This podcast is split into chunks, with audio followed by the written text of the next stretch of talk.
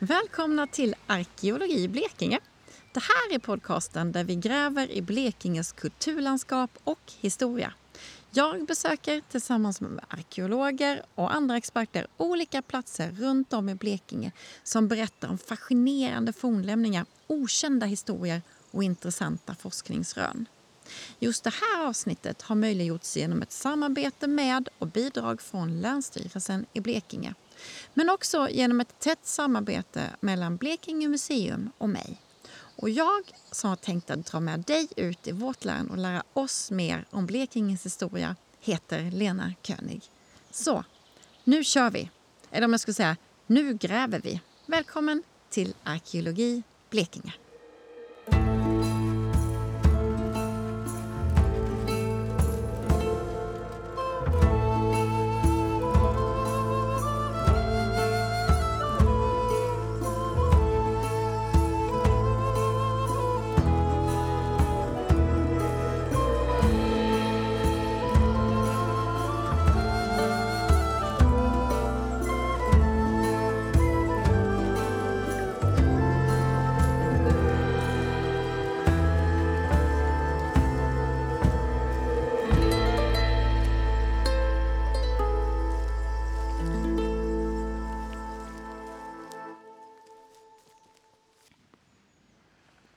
I det här avsnittet tar vi oss till Elleholm, staden som försvann.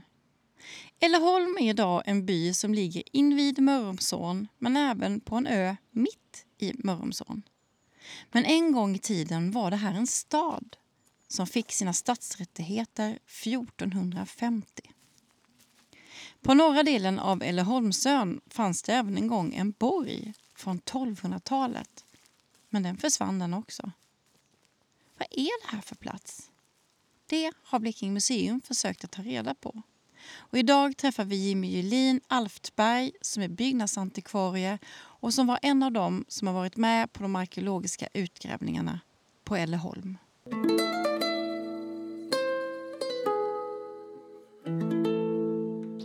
Men vilken morgon! Fantastiskt. Och när, när var det det när var det det började så att säga, alltihopa här? När allting började vet vi inte, men vi vet att eh, Elleholm fick sina stadsrättigheter 1450 av ärkebiskopen. Mm. Men dessförinnan så måste det ha funnits en större bybildning. Så man anlade inte staden 1450 utan det fanns redan någonting här. Och det som fanns här, vi vet inte när det kan ha utvecklats men vi har ju borgen i norra spetsen av den här Älleholmsön. Mm. Det kommer en lastbil. Så.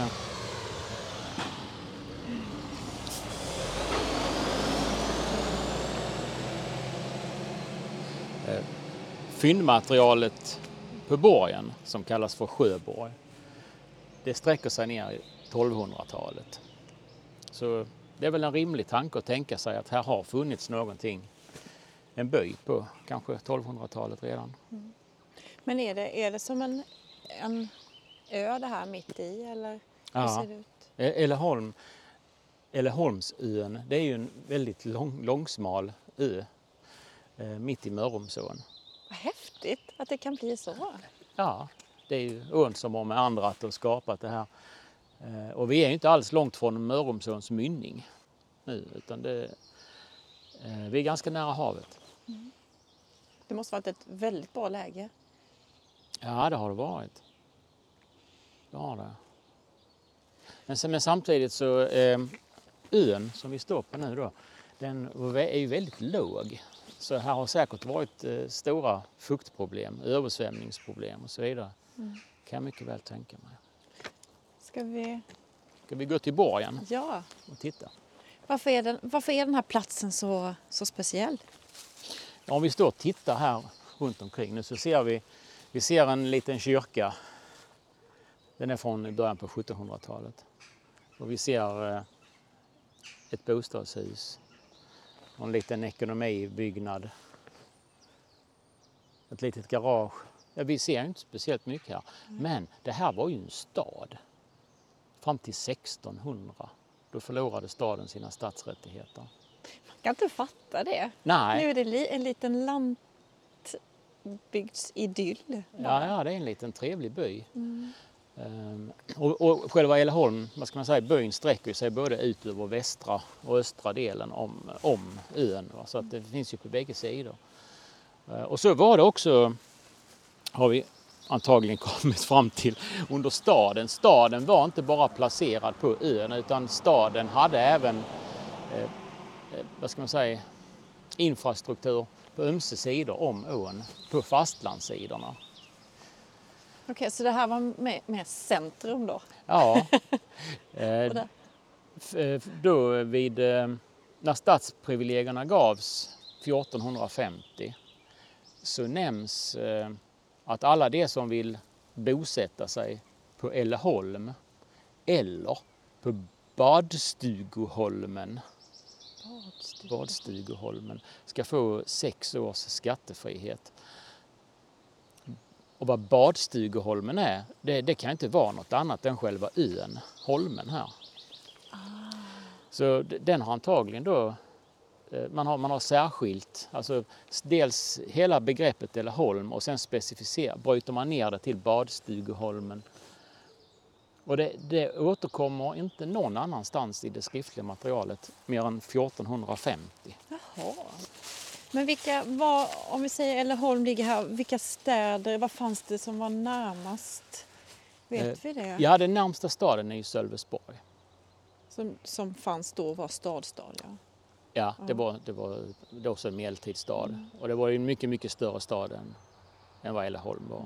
Älleholm var ju en liten stad, det var en handelsstad. Eh, s- Älleholm ägdes ju av ärkebiskopen medan Sölvesborg, alltså den närmsta grannstaden, ägdes av eh, kungamakten kan man säga. I Älleholm fanns riks, eller förlåt, i Sölvesborg fanns eh, riksborgen, Sölvesborg slott. En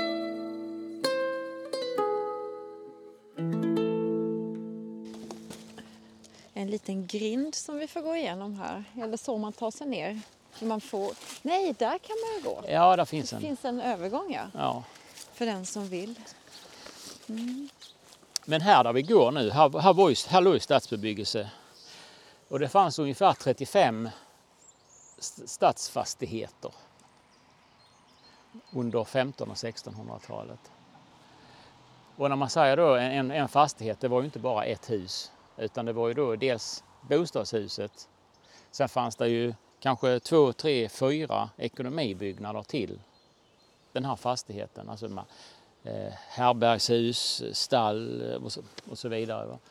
Eh, så här har ju funnits säkerligen, om man, om man räknar approximativt att varje stad hade, eller förlåt, att varje fastighet hade kanske då tre ekonomibyggnader och ett bostadshus. Då kommer vi upp i mellan 100 och 120 byggnader. Oh, ja.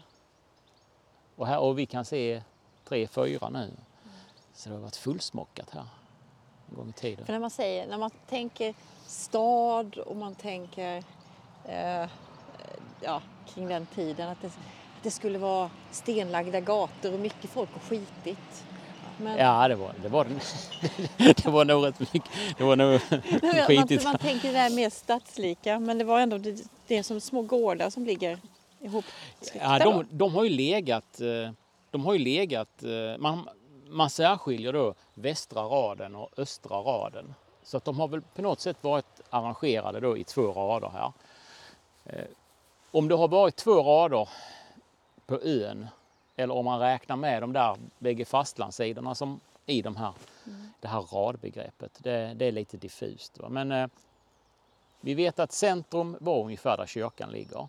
Och där bör ha funnits, funnits även då gemensamma, stadsgemensamma byggnader. Alltså kanske ett litet tullhus, packhus, ett litet rådhus.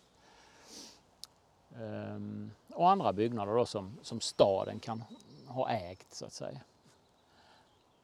Ett torg måste ha funnits. En torgbildning finns vid kyrkan om man tittar i det äldre kartmaterialet. Men vi har också en torgbildning på västra sidan, ungefär där parkeringen finns idag. Där fanns även två broar över. På östra sidan har det aldrig funnits några broar. Det är så brett där i åfåran. Okay. Men sen är det så att här måste ha funnits en marknadsplats också. Mm. Och eh, var den har legat vet vi inte. Men där finns två stora partier i kartmaterialet som så långt bak vi kan se inte har varit bebyggda och det är precis norr och söder om kyrkan. Och när du säger kartmaterial, eh, var, var, när kommer det ifrån? Ja, det är skifteskartor som finns. Eh, de äldsta kartorna över Älleholm är från eh, slutet av 1700-talet. Det visar ett oskiftat Älleholm. Och eh, det oskiftade kartmaterialet visar ungefär så som det kan ha sett ut redan på medeltiden. Det har inte hänt speciellt mycket. I, sen kommer ju skiftesreformerna och framförallt då enskiftet som splittrar upp. Och även, även den här ön så att säga? Ja, Älleholm skiftas 1813, 1814. Mm. Men om vi, vi låtsas, nu har vi precis tagit oss in i den här lilla hagen som ligger åt, vad blir det, norr? Vi är på väg norrut. Ja. Om man stod här då, ja, 1400, vad sa vi, 50? Ja, vi, kan, vi, kan ju, vi, kan ju, vi kan ju använda 1500 istället. Så. 1500. Hur, hur kan det ha sett ut då? Vi har ån, som vi ser tydligt här. Ja, det var ju ett myllrande folkliv här. Djur som eh, grisar som kacklade. Nej, vad säger jag? Från början. Nej, men det var ju ett Den, den ska med! Ja, precis. Nej, men det var ett myllrande folkliv. Det var grisar som bökade och höns som kacklade och eh, folk som ropade och gapade till varandra och skrek. Och vi har haft en hamn och till hamnen har ju båtar kommit och lastat. Det var en handelsstad så det har ju varit en regelbund, ett regelbundet inflöde av varor. Skepp har kommit hela tiden. Och kyrka, fanns det det här då? Vet man det? Ja, det, ja, den nuvarande kyrkan är byggd ungefär på platsen för den medeltida kyrkan. Ja, Den medeltida kyrkan har nog inte varit mycket större än vad kyrkan är idag. nej. Det tror vi inte. Men eh, där fanns en medeltida kyrka. Redan eh, 1696 så var den utdömd Okej. Mm. Och så svårt förfallen så att biskopen vid sin visitation det året 1676 eh, jag mer eller mindre föreslog att eh, Mörrums församling och Älleholms församling skulle slå sig samman om en kyrka. Men sen byggde man den här istället genom starka lokala krafter. Men i alla fall, vad vi hade sett? Vi hade sett eh, väldigt mycket hus. Eh, och sen är det det där med stensatta vägar som, som vi har pratat om, nämnt. Eh, jag är inte så säker på att det har varit så mycket stensatta vägar här med tanke på att det är ganska vattensjukt. Man har till exempel aldrig begravt folk vid, vid kyrkan. Där finns, här finns ingen kyrkogård på ön utan de har transporterats ut till en kyrkogård eh, som har legat uppe på fastlandssidan.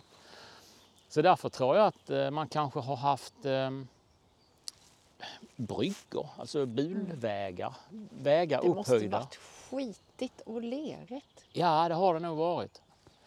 När det är översvämning, i eller när det är högt vattenstånd i Mörrumsån, va, så, så um, framförallt vid norra delarna, då, då kan vi inte gå ut till borgen som vi är på väg till nu. Det, för det är helt överflutet. va.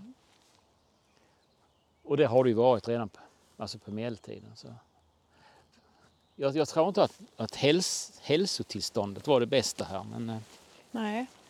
Och sen var landskapet runt och låg det liksom gårdar och, och små byar runt. Nej, Eller det har ju varit knutet kring, kring staden Älleholm. Va? Ja. Ehm, Hur det ser ut med ensamgårdar och så vidare, det, det, det vet jag faktiskt inte. Eh, Det finns de som kan bättre svara på det. Men eh, den närmsta byn är ju, är ju Mörrum i norr då. Och sen så kommer ju då staden Sölvesborg i väster. Varför var den här platsen och placeringen viktig? Tror du? Jag, jag tror att, eh, att det kanske är en, i grund och botten en strategisk plats som man har, man har känt sig skyddad och säker här på ön. Det har också varit, eh, om man tänker sig skeppstrafik, så har det varit eh, kanske mer lä här inne än om man höll till ute vid, vid kustbandet. Ja. Hur långt är det exakt till kustbandet? Eh, det, jag, tror, jag tror inte att det är mindre än en kilometer. Ja, jag har aldrig mätt faktiskt. Nej, nej.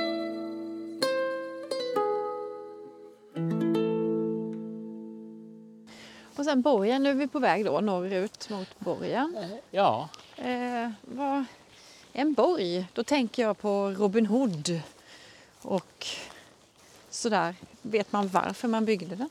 Man kan väl tänka sig så här eftersom eh, Älleholm utgjorde slottslän så behövdes det en eh, förvaltning. Det behövdes ett administrativt centrum och vi tror väl att Borgen har varit det här administrativa centrat för Älleholms slottslän. Vi vet inte riktigt vad den Sjöborg kallas den för sen åtminstone 1600-talet. Ja. Det äldsta kända belägget för den här borgen det har vi i ärkebiskopskrönikan från 1410. Och då kallas den kort och gott Kastrum eller Holm, alltså Elleholmsborg. Den var inte speciellt stor om du jämför med de här Robin Hood-borgarna. Eh, men den var belägen på tre stycken holmar och nu har vi precis kommit till den första vallgraven, den som skiljer wow. borgen från stadsdelen. Alltså detta är jätte, jättehäftigt. Ja, det är lite Robin Hood. Hit om man har barn, det är ju skithäftigt. Oh, så det går en liten träbro här över. Och så ser man Mörrums bruk där borta, vad vackert. Ja. Och åt andra hållet är det åker. Här har funnits tre vallgravar, men denna södra vallgraven är den enda som fortfarande bär vatten. Ja. Den mellersta vallgraven har växt igen med tidens gång. Och den norra vallgraven den fylldes igen av en arrendator i slutet på 1800-talet. Mm. Man ville skapa mer betesmark här ute på holmarna. Så det var lite synd. ja, effekten blir ju... Det är jättefint med det här gräset som kommer upp ur vattnet. Och,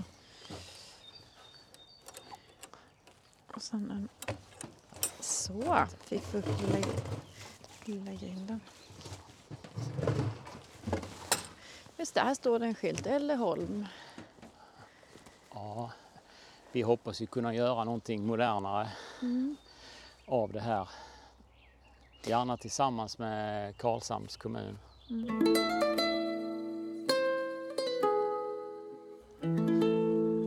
Men nu har vi kommit till den södra, nu står vi på den södra Borgholmen då. Och eh, vi har ju grävt här sedan 2016. Just det, det har varit både i vatten och uppe. Ja, mm. Vi har haft eh, fem undersökningar här. Eller sex rent av. Eh, och vi har ju grävt på alla de här tre holmarna för att försöka få klarhet i den här borgen. Idag kan man ju inte se att här har legat en borg, mer än då att här är tre stycken tydliga liksom kullar efter vartannat här. Mm. Men vi vet ju i princip ingenting om hur den ser ut. Här finns ju inga ruiner bevarade till exempel. Nej. Vi vet när borgen förstördes. Man har, man har ofta nämnt att eh, det var eh, nordiska sjuårskriget som, alltså på 1560-talet. Då anföll Säleholm efter att Ronneby hade anfallits av svenskarna så störde man kosan ner mot Sölvesborg och då så fick man Ängelholm på köpet. Men då förstördes inte borgen i alla fall. Den var redan förstörd då. Den, den raserades redan 1525. Okay. Vid påsken 1525. Och det var av Hansan. De anföll Blekinges kust i sin jakt på Sören Norrby. Det är en helt annan historia det där Sören Norrbys skånska uppror. Men Hansan jagade Sören Norrby som hade varit länsman på Gotland. Han låg med sin flotta i Pukavik men han satte eld på eh, sina skepp Och då blev Hansan förgrymmade så de gick i land och skövlade längs kusten. Okej. Påsken 1525. Och fy vad hemskt. Var det, och då, människor alla som bodde här va? Hur, hur det gick för staden vet vi inte men vi har tydliga bilder av hur det gick för borgen. Mm. Eh, Vi har faktiskt eh, vi, vi har hittat det här förstörelselagret från 1525. Oh, vad häftigt. Och eh, det hittar vi på den mellersta holmen som vi är på väg till nu. Ja, just det. Nu har vi gått över en och när du säger att det finns, fanns tre holmar, vad, vad låg det på? Alltså, Ja, det vi, det vi har kunnat sluta oss till under de här utgrävningarna det är att den holmen vi står på nu, den södra holmen, här har inte funnits någonting annat än bara en hårdgjord yta. Här kommer bara packad lera. Vi, vi kan se att här har funnits stensättning också, precis som en, en stensatt gårdsyta. Men att de här stenarna har blivit bortplockade. Så inga byggnader alls har vi, har vi hittat här. Men däremot på mellersta holmen, där kommer ju det här förstörelselagret. Där kommer eh, väldigt mycket armborstbultar, alltså pilspetsar till armborst. kom- alltså, skulle det vara från då det, det anfallet? Eller ja, vad? det är det, det, vad ska man säga, om man lite förenklat säger, det, det första kulturlagret vi har, det är borgens sista brukningsperiod kan man säga. Ja. Och där kommer då brända, välta timmerväggar, brända golv, armborstpilar, omkullvälta, omkullvält metallskål har vi hittat. Eh, här ligger, hallå, eh, vad ska man säga, eh, stigbyglar har vi hittat här. Stigbyglar är ju ingenting som, bara, som man bara tappar. Liksom. Nej. Sådär. Men här, här, här finns tre stigbyglar varav två hittades tillsammans. Och man tänker sig gärna då att de faktiskt har suttit på en sadel som har brunnit upp. Ja, ja, Att, att vi, har, vi har en verkstadsbyggnad av något slag här, mitt, ungefär mitt på Mellersta holmen. Mm. Eh, Men är det så, alltså första holmen, det bara varit som någon gårdsyta. Den andra, är det då mer produktionsplatsen. produktion och djur och så? Eller? Nej, man har, man har skott hästar här kan vi säga. Ja, alltså, vi har hittat det. kilovis med hästskosöm. Mm. Och jättemycket hästskor. Och ehm, här finns väldigt mycket keramik också. Vad spännande. Vi har, vi har då som en stor byggnad mitt ungefär här på Mellersta holmen där det har funnits en, en större härd av något slag. En ässja eller vi vet inte riktigt vad det är. Det kan vara en bakugn också. Men det har varit väldigt Fast- mycket produktion här och eh, det har varit eh, det väldigt mycket eh, arbete med hästar kan man säga. Ja. Här kommer mynt också. Verktyg, knivar. Det är en väldig oreda i det där första lagret vi har. Det är nästan som man kan känna hur folk sprang här i panik och Ja. hur, hur de bröt sig in och anföll. Och de här armborstpilarna som, som, som vi hittar överallt här, de är ju inte skjutna från jag tror knappast de är skjutna från andra sidan ån utan de är nog skjutna av folk som har faktiskt lyckats ta sig in i borgen tror jag. Man nästan hör den här massakern. Ljudet av... Ja, om det var en massaker vet vi ju inte va, men, men, men av antalet pilspetsar och alla bränder och allt här så, så har det ju varit en ordentlig förstörelse åtminstone och säkerligen har, har många människor dödats. Det, det tror jag nog. Eh, Sen, sen finns det fler lager då på den här mellersta holmen av mycket fredligare karaktär. Så det, det har hänt någonting här vi har nästa lager då. Där kommer eh, kistspännen, nycklar, hänglås. Det är en helt annan fynd, fyndkategori som, som kommer i de undre lagren.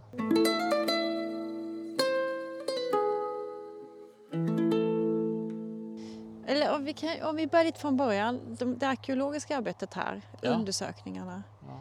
Hur, det gjordes Det var någonting som gjordes 1926, Ja, 24. 24 Ja. Ja, just det. Men sen, och det resulterade inte någonting direkt. Men Nej. sen har Blekinge museum genomfört, hur många sa du? Vi är väl uppe i sex, sex undersökningar nu sammanlagt. Ja.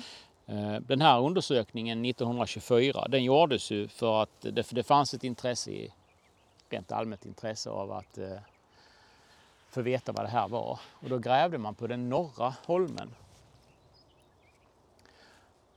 Men hittade inte speciellt mycket. Eh, där kommer tre stycken baggar, de ser inte glada ut. Och de har väldigt stora horn. Och det är sådana där härliga, det är gotländska, eller vad är de? Gute? Jag vet inte. Den gamla rasen va, med de där hornen. Men man vill ju inte bli stångad av dem. Nej, de där... Fast de trodde nog mest vi kom med mat kanske. Stod lite närmare träd. Eh, I alla fall den här grä- utgrävningen 1924 den resulterade i att ja, man rekommenderade att inga vidare undersökningar eh, ansågs nödvändiga för det fanns ingenting att hitta här tyckte Nej, man. nej. Och sen har museet då gjort sex stycken. Ja, och det är för att det här är ju ett led i vårt eh, vad ska man säga, arbete med att tydliggöra Blekinges medeltid. Mm. Mm. Så mellersta Borgholmen här nu då, det är ju den mest intressanta kan man väl säga eftersom här kommer så otroligt mycket fynd.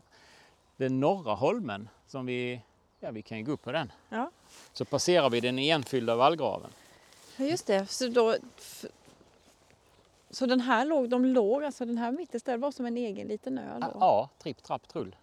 Mm. Varför byggde man så? Har det sett ut så förut eller? Eh, nej, det var ju alltså en försvarsstrategi. Att man ville skydda sig på, på olika vis. Ja. Göra det svårt för en angripare. Nu går vi i den norra vallgraven som är helt igenfylld. Och tre lyckliga baggar som har vår i benen. Ja, verkligen. De ser lite halvt nyklippta ut och nysläppta kanske. Fina de var. Ja, kommer man hit som besökare så får man ha det i, i beaktande att det går får här va? Ja, här finns djur som, eh, som, som går. Oj, vad de stångas. Det var rejäla. Ja. Men nu står vi på toppen av norra holmen. Mm.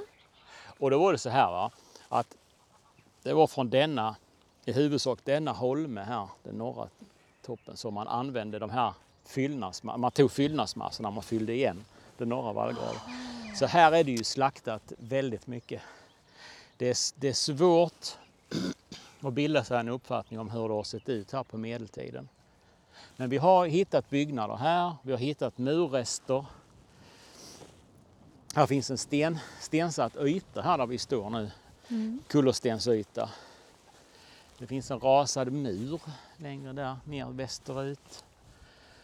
Och vi vet att det har funnits, nu är det ju en sluttande bara en slänt som går ner till norra spetsen. Men här vet vi att det har funnits terrasser, minst två terrasskanter.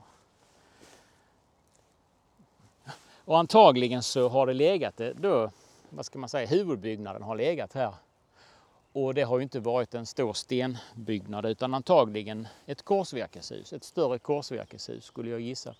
Ja, ja. Så när jag hör borg och, och ser det här du, du, du, du, du, du, Ja. och torn och någon prinsessa i spetsig mössa som står ja. sådär. Då är det inte alls så. Nej, det är det inte. Det här är en liten bygdeborg kan man säga. Mm. Den har förmodligen haft en palissad runt sig som, som försvar. Plus då vattnet och de olika vallgravarna. Men vad förvarade man saker i den här byggnaden då som var av vikt för staden eller vad? N- Nej, det här var nog i huvudsak eh, saker som var av vikt för eh, ärkebiskopen. Okej. Det var här hans, hans eh, länsman, eller vad man ska kalla det, satt. Eh, här fanns ju en förvaltare då på borgen som förvaltade länet åt ärkebiskopen. Och man kan väl tänka sig att det har funnits en skrivare, här har funnits ett par smeder, kanske någon timmerman. en liten eh, vaktstyrka på kanske ja, sex, sju personer på sin höjd. Mm. Lite gårdsfolk.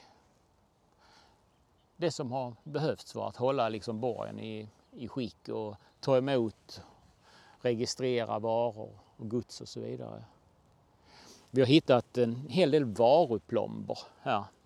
Vad är, vad är det? Ja, varuplomber det är eh, de heter bag seals på engelska. Det är små blyplomber som eh, är stämplade med en tillverkarstämpel.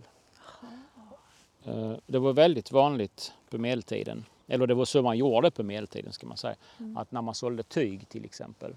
Så efter att tygbalen, ylletyg då, företrädesvis hade blivit godkänt hos till producenten va, så fick det det här sigillet, att det var godkänt och klart.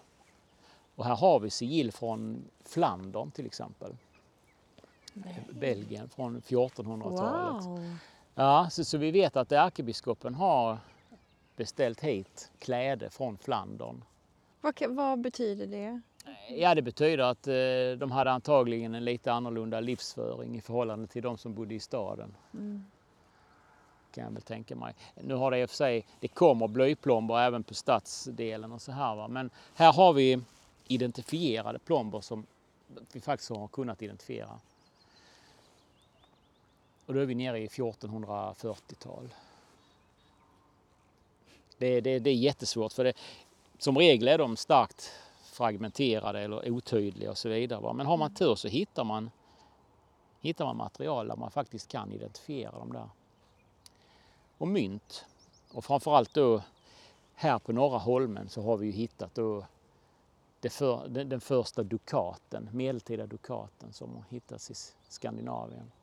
Alltså ett guldmynt från eh, Venedig. Nej, vad häftigt. Vad, och då kommer nästa fråga, vad betyder det? Ja, det betyder ju... Guldmynten användes ju i princip eh, vid internationella transaktioner. Man, man skulle aldrig kunna gå med ett guldmynt 400 meter ner till, till marknaden och försöka köpa någonting. För då, Mm. då hade de hade bara blivit förvirrade, människorna. Va? Så det var ingenting de kunde hantera. Va? Eh, utan eh, de här guldmynten var väl då ärkebiskopens, får man förmoda. Men den här borgen eh, och det här området, vad hade det för betydelse för staden? Vi vet inte. Vi vet ingenting faktiskt om det. Men om man ser på andra borgkonstellationer runt omkring. Ärkebiskopen ägde ju fler borgar. Han hade ju till exempel Ausehus i Åhus. Borgen i Åhus. Eh, Och där har vi också ett förhållande där, där, där staden faktiskt, den medeltida staden Åhus, den låg ju nästan en kilometer från borgen. Va?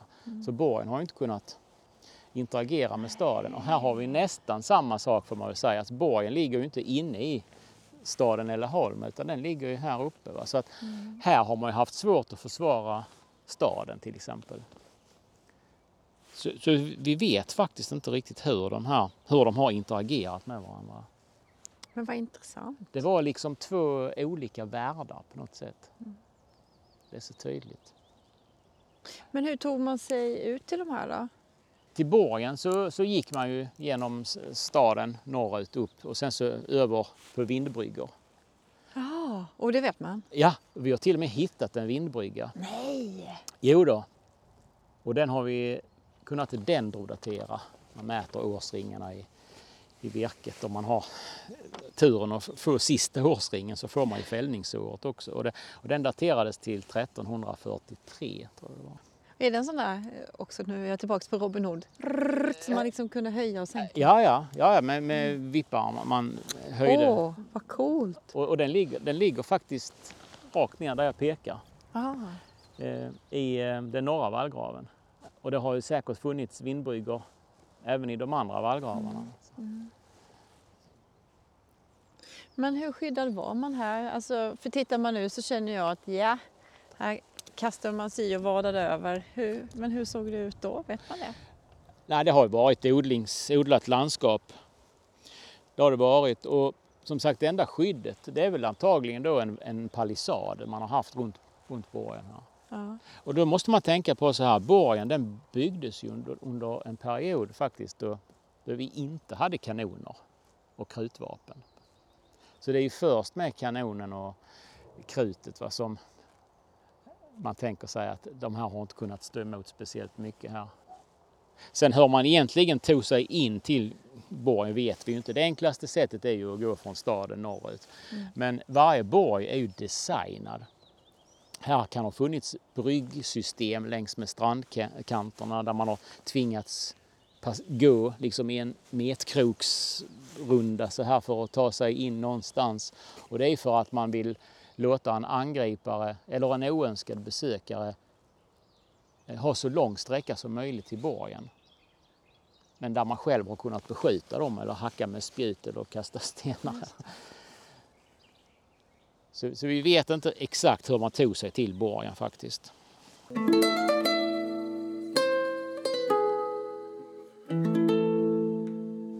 Och det är ganska intressant för vi har, vi har ett fyndmaterial som är väldigt starkt just där 1300, för mitten på 1300-talet. Dels genom eh, då de här dateringarna och eh, dels genom mynt, myntfynd och keramik. Så här är, här är väldigt, väldigt tydligt 1300 och 1400-tal. Men eh, hur, hela spannet, nu sa vi att den förstördes i Påsken 1525. 1525 var det Och när vet man att, när har man sett de första spåren då? Vi har keramik som kan dateras till 1200-talet här, Wow. här på borgen. Var hittar ni det? Det hittar vi överallt. Alltså, det, har jag, det var inte bara så här på ett ställe utan Nej, överallt. det kommer spritt. Wow. 12, 13, 14, 15. Det är ju många, många hundra år. Ja, det är det. Men om, om man har en sån där plats under 300 år. eh, det, det, måste ju varit, det måste ju varit viktigt att behålla det. Ja, det var det. Och man har bitit sig fast här också. Va? För att som sagt, vi har, ju det, vi har ju den slutliga förstörelsen 1525. Men vi har också eh, förstörelse under 1400-talet, Engelbrektsupproret. Och här där vi står nu, på toppen av norra holmen. Vi vet att denna yta var lägre från början. Och att eh, ungefär en och en halv meter under oss ligger resterna av en bränd timmerkonstruktion. Så att där kan alltså en äldre borg ligga.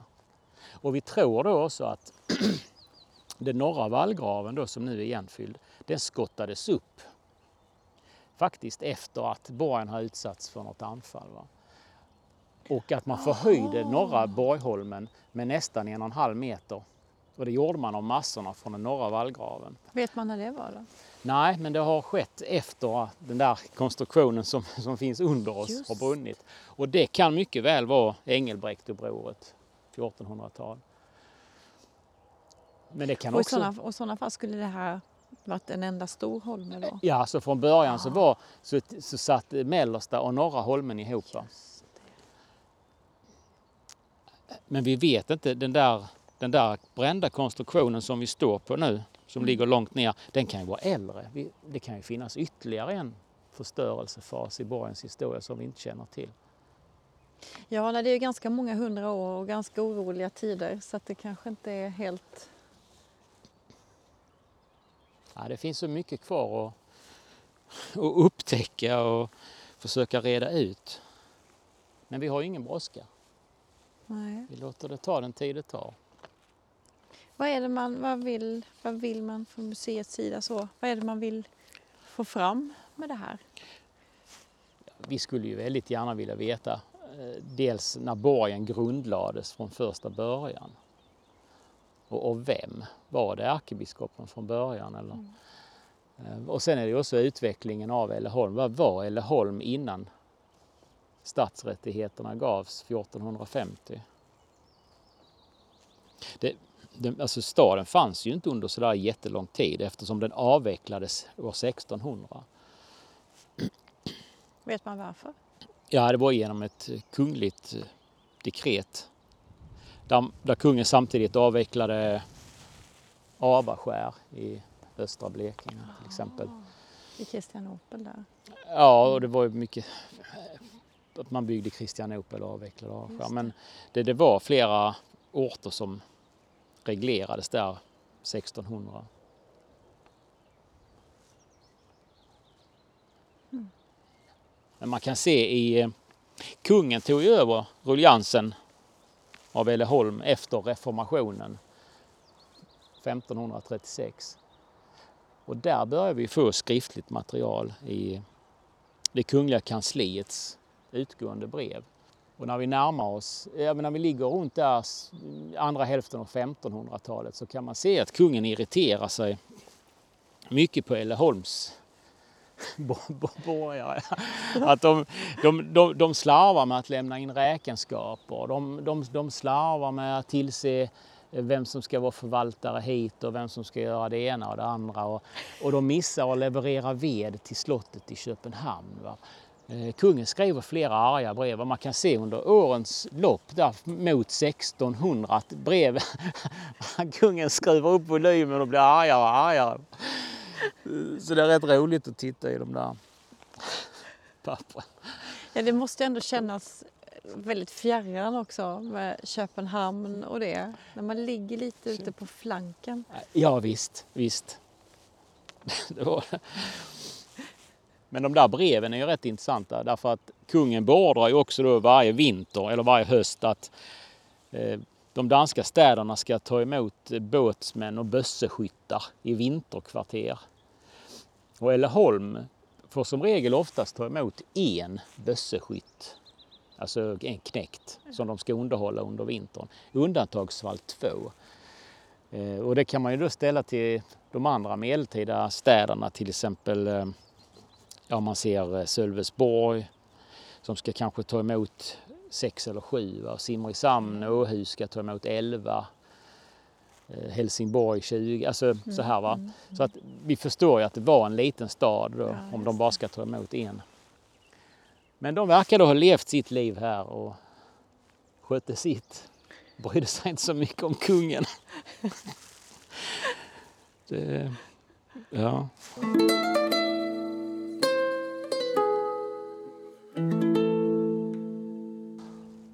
Har man grävt någonting? Eh, Du har grävt här, Ja. eh, längre bort då, själva staden och det. Ja, vi har gjort eh, lite provgrävningar på staden. Vi hittar i princip ingenting eftersom ja, man kan säga så här, va? Den, den medeltida marknivån på staden är ungefär densamma som Ja. den är idag och det har hänt otroligt mycket. Man har ju, man har ju kultiverat markerna, odlat, skyfflat, rivit och så vidare och schaktat. Och, ja, det går ju både väg och annat och, och kyrkan och... Ja, ja vi, vi hittar nästan ingenting. Det, det, det mesta man hittar, det hittar man med metalldetektor. Just det. Och där kommer ju då ett medeltida material. Det gör det. Men när vi gräver så hittar vi i princip ingen medeltid. Vi har gått med eh, georadar, både på staden och här på borgen. Och på staden så hittar vi faktiskt med georadarns hjälp fastighetsgränser. Och det har varit diken grävda. Och de eh, fastighetsgränserna som vi hittade på georadarn, de kan vi faktiskt eh, se finns, finns på det här kartmaterialet från 1700-talet. Och det är, det är ju gamla medeltida fastighetsgränser. Ja, Så det är jättespännande. Ja, den nya tekniken har ju verkligen öppnat upp på Ja. många sätt. Just att man slipper göra fysiska ingrepp på många sätt också väl? Ja, Där man mer precis. kan punktmarkera. Ja, man, genom metall, sån här sonderande metalldetektering. Och det handlar ju inte om att gräva upp precis allt man hittar. Och, utan det är ju ta upp och titta och se. Och är det något av intresse så kan man ta tillvara på det. I annat fall så lägger man tillbaka det. Eh, Vi har ett fenomen här som hände efter att borgen förstördes. Och det var ju att länet försvann, försvann ju inte Nej. bara för att borgen raserades.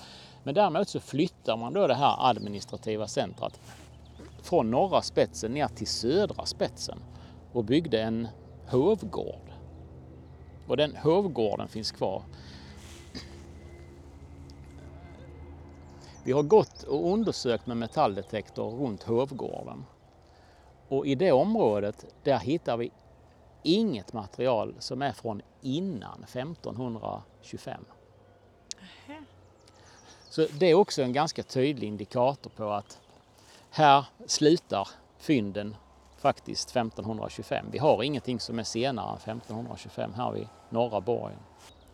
Man kan också tänka sig att eh, man har använt det mesta av det byggmaterial som faktiskt fanns på borgen här som eh, byggmaterial till den nya hovgården då som anlades i söder och till kyrkan. Vi vet att, att här fanns rätt mycket tegellämningar kvar här på norra Borgholmen. Men det har plockats. Det är så tydligt att det har plockats. Mm. Det är många generationer efter. Ja visst, visst. Och sen, och sen kan folk runt omkring här i byarna kan ha använt borgen mest som stenbrott mm. för att plocka byggnadsmaterial till sina egna hus. Och har det funnits bryggor och sånt, vet man det runt här? Eller ingenting sånt alls? Nej, vi vet ingenting eh, om just det området där vid norra spetsen. Men genom de här marinarkeologiska undersökningarna så vet vi att här på östra sidan, mitt utanför norra vallgraven ute i vattnet, där finns en pulsspärr. Jaha. Och, så att man inte kunde ta sig in i vallgraven då kanske? Ja, eller? gissningsvis. Vi, det är ju ingenting vi har några vetenskapliga belägg för. Va? Men, men gissningsvis så var det för att man inte skulle kunna segla in i, i vallgraven, ta sig in i vallgraven. Vi har också ett antal pålar ute i, i den åfåran där, den östra åfåran, som skulle kunna vara från bryggkonstruktioner. Mm. Vi har inte, tyvärr inte fått det där daterat ännu men vi hoppas kunna få topp och göra dendroprover på det där materialet. Så det är superspännande. Gud ja. Vet man någonting om landskapet runt? Nu är det ju väldigt uppodlade åkermarker. Alltså då, när det begav sig. 14. Ja, det har ju varit odlat då också. Mm. Det har varit bruk, brukade marker. Liksom, varje stad hade ju sin del i ett lantbruk också. Eller förlåt, varje gård stadsgård hade ju en del i, i ett en, i lantbruksdel också, va? sina marker. Ja, de som vi pratade om när vi gick in, att det låg? Ja, de hade, en, de hade ett stycke mark då som de, de kunde odla som på. kolonilott liksom? Ja, det skulle man, det skulle man kunna säga. Och sen, sen, har man då haft gemensamma skogar och gemensam ja. fäladsmark och så vidare för djur. Så som det har sett ut i, i största allmänhet. Ja. Men eh, bort mot kyrkan och det, finns det något häftigt? Ska vi gå bort och kolla? Ja, vi kan gå bort och titta. Mm.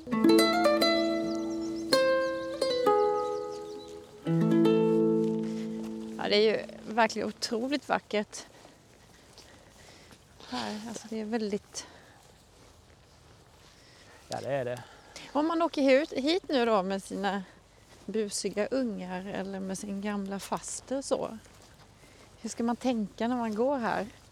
Hur, hur ska man liksom se den här platsen, tycker du? Ja, man ska ju inte skräpa ner. Nej, men eh, man får ju försöka få en blick över de här tre holmarna och tänka sig att det var här det hände liksom. Det, här, det var här borgen låg. Det är väldigt svårt att med fantasins hjälp kunna se framför sig när, när vi faktiskt inte har några lämningar. Eh, men vi hoppas ju kunna med tiden här nu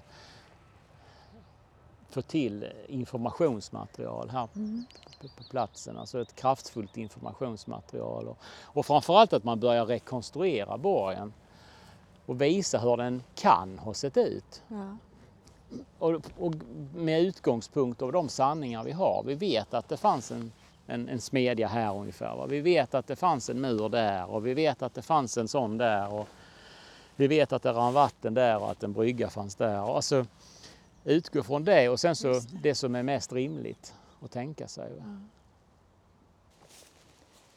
Alltså det är En väldigt liten trevlig dagsutflykt att åka hit och gå och kika, ta med sig fikakorgen och sitta här intill Mörrumsån. För det är, Ja, det är det. det är drömskt på något vis.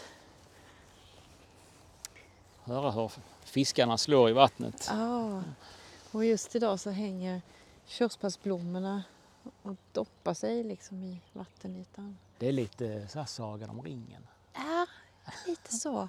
Och jag är väldigt mycket inne på Robin Hood. ja. Ja, det är jättefint. Hit ska man åka. Men vad, vad, finns det något mer på gång här? Vad är det som gäller? På forskningsläget? Och... Nej, men vi är väl inne i ett lite lugnare tempo nu. Där, där vi har så otroligt mycket material som vi nu i lugn och ro måste sätta oss ner och gå igenom. Knyta ihop säcken, börja kanske skriva lite artiklar, börja tolka framför allt och eh, se på det material vi har samlat på oss under alla de här åren. Och eh, utifrån det så får man ju börja planera hur nästa insats skulle kunna se ut. Bland annat så är det väl i princip läge nu att göra en större undersökning där man verkligen... Vi har ju haft grävmaskin över på Borgholmarna. Mm. Det är lite knixigt att få, få dem över vallgraven men Ja, eh, vid två tillfällen har jag haft det. Men nu får man nog antagligen börja schakta av lite större ytor. För tiden för titthålsgrävning och så här är väl förbi kan man säga. Mm. Utan nu har vi så mycket på benen så att nu vet vi var i så fall vi skulle vilja.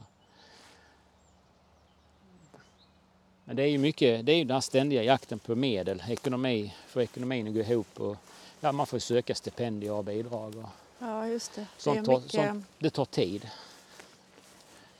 Det, är, det är den ständiga frasen jag hör när jag är ute och pratar med olika nu. Det är "O- om vi får mer pengar så... Mm. Ja, ja men, men, men vi låter ju det ta den tid det tar. Vi har som sagt ingen brådska med det här ju. Nej. Och sen skulle det vara roligt att bana av lite vid, vid stadscentrumet, vad ska säga, vid torgbildningen här och se. Och det, det är på kyrkosidan Ja, vi pratar då? ja det är där runt kyrkan.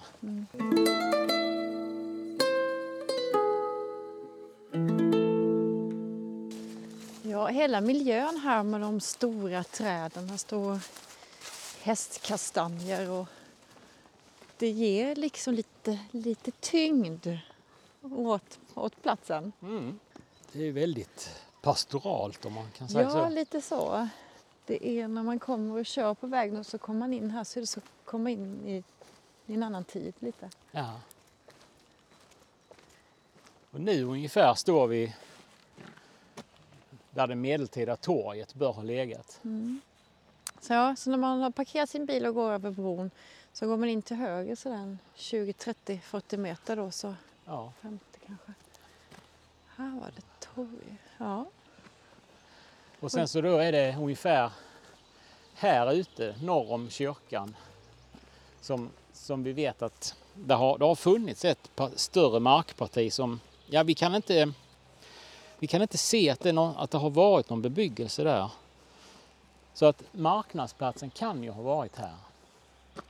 Liksom framför kyrkan här. Ja, eller- antingen här norr om, omedelbart norr om kyrkan eller omedelbart söder om kyrkan. För bakom kyrkan, vi kan faktiskt gå dit där. Ja. Där tror jag att Älleholms hamn låg. Det var Varför? där skeppen... Hur, varför tror du det?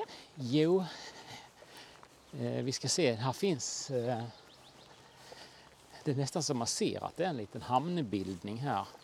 Men framför allt är det så att rakt ut i vattnet här i östra Åfåran, där ligger ett gammalt skepp Jaha. som är hittat då genom en marinarkeologisk insats. Men det är inte daterat ännu, men det, det kan vara ett medeltida skepp. Just det, så nu har vi rundat så nu är vi på östra sidan om kyrkan. Ja, och här ser vi att det finns en, nästan som en liten Ah, vik det som går in, så här. Va? Ja. Och här skulle man mycket väl kunna ha haft en brygg-kajkonstruktion av timmer. Och här skulle lätt två stycken koggar kunna få plats Mm. efter vartannat. Alltså medeltida skepp, fraktskepp. Ja, det är ett fantastiskt bra läge att, att ha mot havet räknat. Ja, det är det. Skyddat och Och där nere då på södra spetsen, där låg då den där hovgården som uppfördes efter att borgen raserades. Den ligger också på en liten ö med en vallgrav.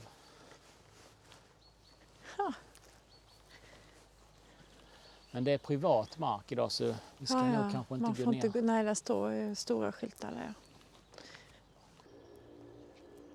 Ja, Så det är verkligen spännande här. Ja man, när man har varit här och gått omkring, man får en helt annan uppfattning om hela den här platsen. Liksom. Den blir något annat. Ja. Ja, man får tänka sig, här har, kan ha legat flera så hamnmagasin efter vartannat. Timmer. Någonstans har man ju förvarat alla de där handelsvarorna som man tog, tog i land. Och sen eh, om man tänker sig landskapet, det var borgarna som bodde här och här var staden. Mm. Eh, hur mycket bönder fanns det runt omkring? Vet man det? Var det? Jag vet inte. Men det, det fanns ju absolut bönder runt omkring här. Va? Men eh, eh, man reglerar ju... Man hade ju en väldigt stark reglering ska jag säga över till exempel marknadsplatsen här då på Älleholm. Mm. Att bönderna var ju förbjudna att handla med inkommande handelsmän. De var tvungna, de fick bara handla av handelsmännen i Älleholm. Oj, var det så? Ja. Så det var, det var väldigt eh, strikt reglerat vem som fick göra vad. Och det var väl för att hålla någon form av ekonomisk balans. Mm. För om bönderna bara handlade Om de börjar just. av borgarna så kunde de betala skatterna till kungen. Eh, istället för att om bönderna ha, handlade med tyskar som kom till exempel, då, Mm. då försvann ju intäkterna till Tyskland. Just det. Men det var också noga, väldigt noga reglerat av ärkebiskopen att eh, vid ett visst datum på hösten så fick man inte ta emot några skepp. För de ville absolut inte ha några överliggare här från, från andra länder Nej! som blev fast. Ja, som blev fast. Ja, det nej. Det, var, det var strikt förbjudet med överliggare, kallades det. Eller liggare, sa han. Folk som gick sysslolösa här och var fast, det, nej, sånt ville man inte ha här. Wow. Vilket datum var det då? Nej, jag har inte det i huvudet. Jag, jag vet bara att det var över vintern så ville man absolut inte ha några sådana utom Sucknes som gick och drällde här i, och var fast. Nej. Men var det, men var det som fick bo här? Ja, det var, det var ju faktiskt var och en som ville, i det där eh, privilegiebrevet från 1850 så, så uppmuntrade man ju till och med folk till att komma hit över Mm. mot skattelättnad. Man ville ju få det bebott. Så. det gick nog att bosätta sig här om man hade om man var handelsman eller Mm. ville starta någonting, hade möjligheter att göra det. Så. Det gick inte att göra en klassresa då från något litet, något litet torp någonstans? Ja, jag- Eller det kostade pengar kanske? Ja, jag tror det var ganska svårt att, att genomföra en klassresa på medeltiden. Mm. Men det finns de som kan prata om det bättre än jag. Ja.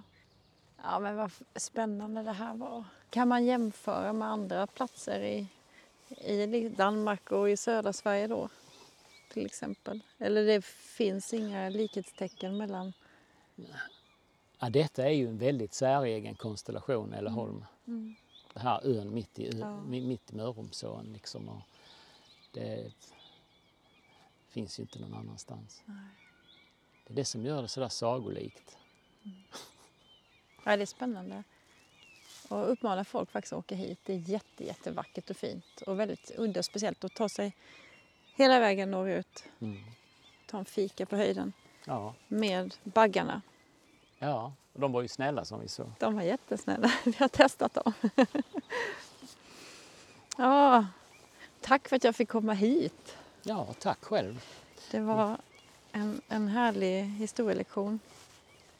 Och jag hoppas att vi, att vi får veta mer och att det går att konstruera upp det här. Det är lättare för oss när vi kan visualisera någonting lite, även om det bara är på bild åtminstone. Ja. Jo då, vi jobbar på det.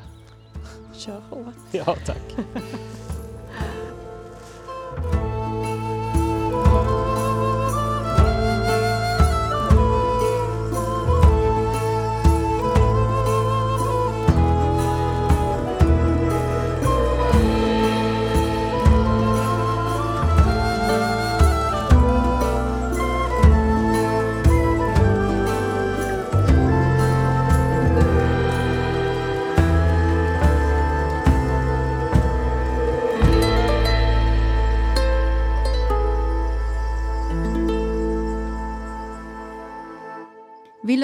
Fler avsnitt från Arkeologi Blekinge?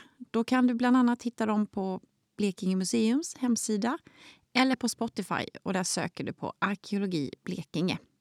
Tack för att du har lyssnat.